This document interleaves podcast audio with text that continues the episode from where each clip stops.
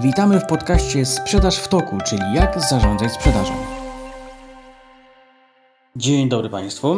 Mam na imię Robert Chyla, jestem dyrektorem projektu w firmie Sales Tracker. Jesteśmy firmą, która specjalizuje się w optymalizowaniu funkcjonowania działów handlowych i na podstawie tych doświadczeń w dniu dzisiejszym chcielibyśmy opowiedzieć Państwu o kilku zjawiskach, z którymi spotkaliśmy się podczas współpracy z naszymi klientami, czyli z działami handlowymi różnych firm. Temat właściwie jest bardzo ciekawy, ponieważ każdy dyrektor handlowy zastanawia się codziennie, w jaki sposób wpłynąć na to, aby realizacja planu się powiodła, żeby po prostu ten plan został wykonany. Jak Państwo się zapewne domyślają albo wiedzą po prostu Państwo o tym, strategii zarządzania jest zresztą bardzo wiele. My dzisiaj opowiemy o dwóch takich właściwie podejściach, które są dosyć popularne i często spotykane. Opowiem Państwu o dwóch podejściach i trzecim, Trzecie podejście to będzie taka odpowiedź właściwie na to, w jaki sposób e, radzimy sobie z e, pewnymi wyzwaniami, które mają miejsce zarówno w e, pierwszym, jak i drugim podejściu, o którym za chwileczkę powiem. Po prostu dlatego, że na podstawie własnych doświadczeń,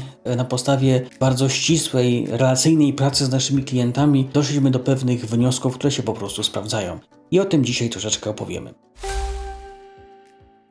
Proszę Państwa, pierwsze podejście, z jakim najczęściej spotykamy się w działach handlowych, to jest podejście zarządzania oparte przede wszystkim o wynik.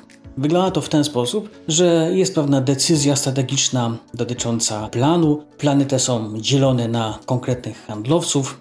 Oczywiście w zależności od tego, jak mają one doświadczenie, ze względu na geolokalizację i tak dalej, y, po prostu te plany są zatwierdzane, wysyłane do handlowców do realizacji. I czarna skrzynka polega na tym, że ci handlowcy realizują swoje zadania, ale tak naprawdę nikt nie wie do końca, co oni realizują, albo realizują to na podstawie swoich własnych sposobów działania, albo na podstawie pewnych przykładów, ale nie zmienia to faktu, że ani handlowiec, ani tym bardziej dyrektor handlowy nie wie, czy plan zostanie wykonany, czy też nie. Zawsze jest to na zasadzie pewnych założeń i albo ten plan zostanie wykonany, albo nie. Jeżeli zostanie wykonany, to wtedy wszyscy się cieszą, ponieważ zapewne będzie jakaś premia, albo i nie. Natomiast jeżeli plan nie zostanie wykonany lub są wszelkiego rodzaju przesłanki mówiące o tym, że dany handlowiec czy zespół nie wykona planu, wtedy są podejmowane pewne działania, także działania naprawcze, które mają po prostu ten, tą sytuację w jakiś sposób zniwelować. I to jest właśnie czarna skrzynka. Czarna skrzynka, black box, mówiące o tym, że zwyczajnie nikt nie wie, czy ten plan zostanie zrealizowany, nikt nie wie, jakie są podejmowane dokładnie decyzje przez handlowców, jakie są realizowane przez handlowców działania,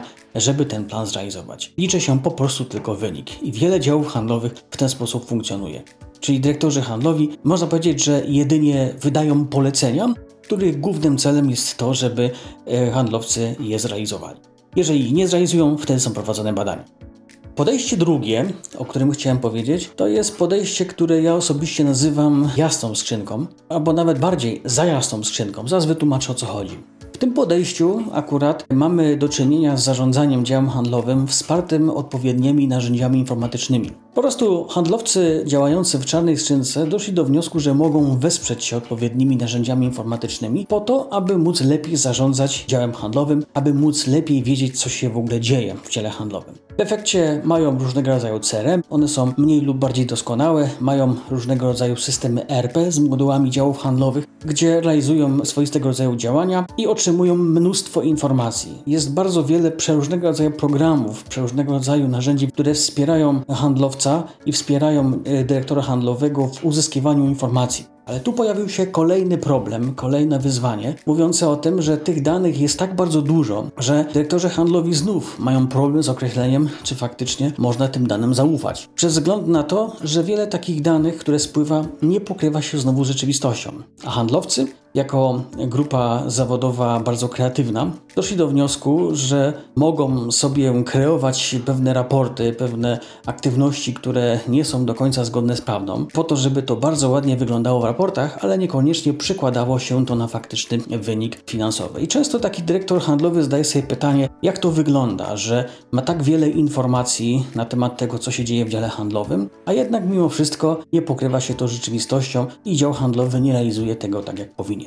Proszę Państwa, w jednej firmie naliczyliśmy około 23 czy nawet 24, jeżeli dobrze pamiętam, wskaźników, z czego handlowcy, a właściwie dyrektorzy handlowi, znali tylko i wyłącznie dobrze rozumieli trzy z nich, ale i tak im nie ufali. Nie byli w stanie im zaufać, ponieważ bardzo często to, co realizowali, nie przekładało się na to, jaka jest rzeczywistość. I z tych jakby doświadczeń koncepcja Sales Trackera się kłania, ponieważ na podstawie e, koncepcji Sales Trackera przy współpracy bardzo ścisłej z naszymi klientami, bardzo dobrze kreowanej pod względem relacji, stworzyliśmy pewną koncepcję, nazywamy ją koncepcją właśnie Sales Trackera, która pozwala na to, aby w spójny, jednoznaczny sposób określić pracę handlowca tak, aby to bardzo dobrze wpływało na poziom raportowania i poziom wskaźników, które otrzymują dyrektorzy handlowi, w taki sposób, żeby można było tym danym po prostu zwyczajnie zaufać. Mówię tu o spójnie funkcjonującym organizmie, czyli układa pracę handlowców, układa pracę związaną z raportami, układa pracę związane z procesem zarządzania, sprzedaży oraz raportowania w taki sposób, że handlowiec wykonuje tylko te zadanie, które musi i nic więcej i nic mniej. Nie jest to w żaden sposób dla niego obciążające, ale to, co robi, bardzo istotnie wpływa na to, jakie wskaźniki otrzymuje dyrektor handlowy, jakie raporty otrzymuje dyrektor handlowy.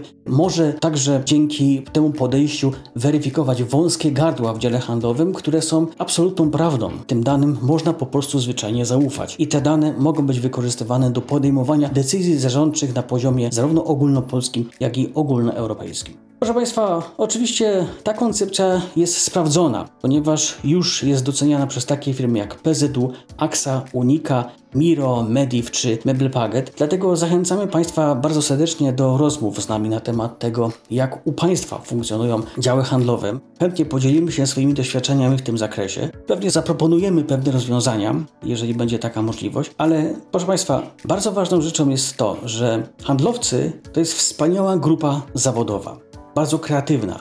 To są ludzie, którzy potrafią robić naprawdę wielkie rzeczy, jedyne w swoim rodzaju. Odpowiednie zoptymalizowanie pracy handlowca pozwoli po prostu na to, by dać mu przestrzeń do wykonania swoich zadań, projektów, dużych projektów, dużych zadań, dużych wyzwań, których ci handlowcy mają bardzo wiele i ten potencjał jest naprawdę bardzo duży. Nie jest, proszę Państwa, żadną sztuką wymagać od handlowca realizacji czegokolwiek. Ważną rzeczą jest to, żeby sparametryzować jego energię w taki sposób, by mógł on spokojnie samorealizować się i wykonywać po prostu swoje zadanie. I od tego właściwie jest koncepcja Sestakera. Serdecznie Państwa zapraszamy do rozmów. Na obecną chwilę dziękuję bardzo serdecznie i do usłyszenia ponownie.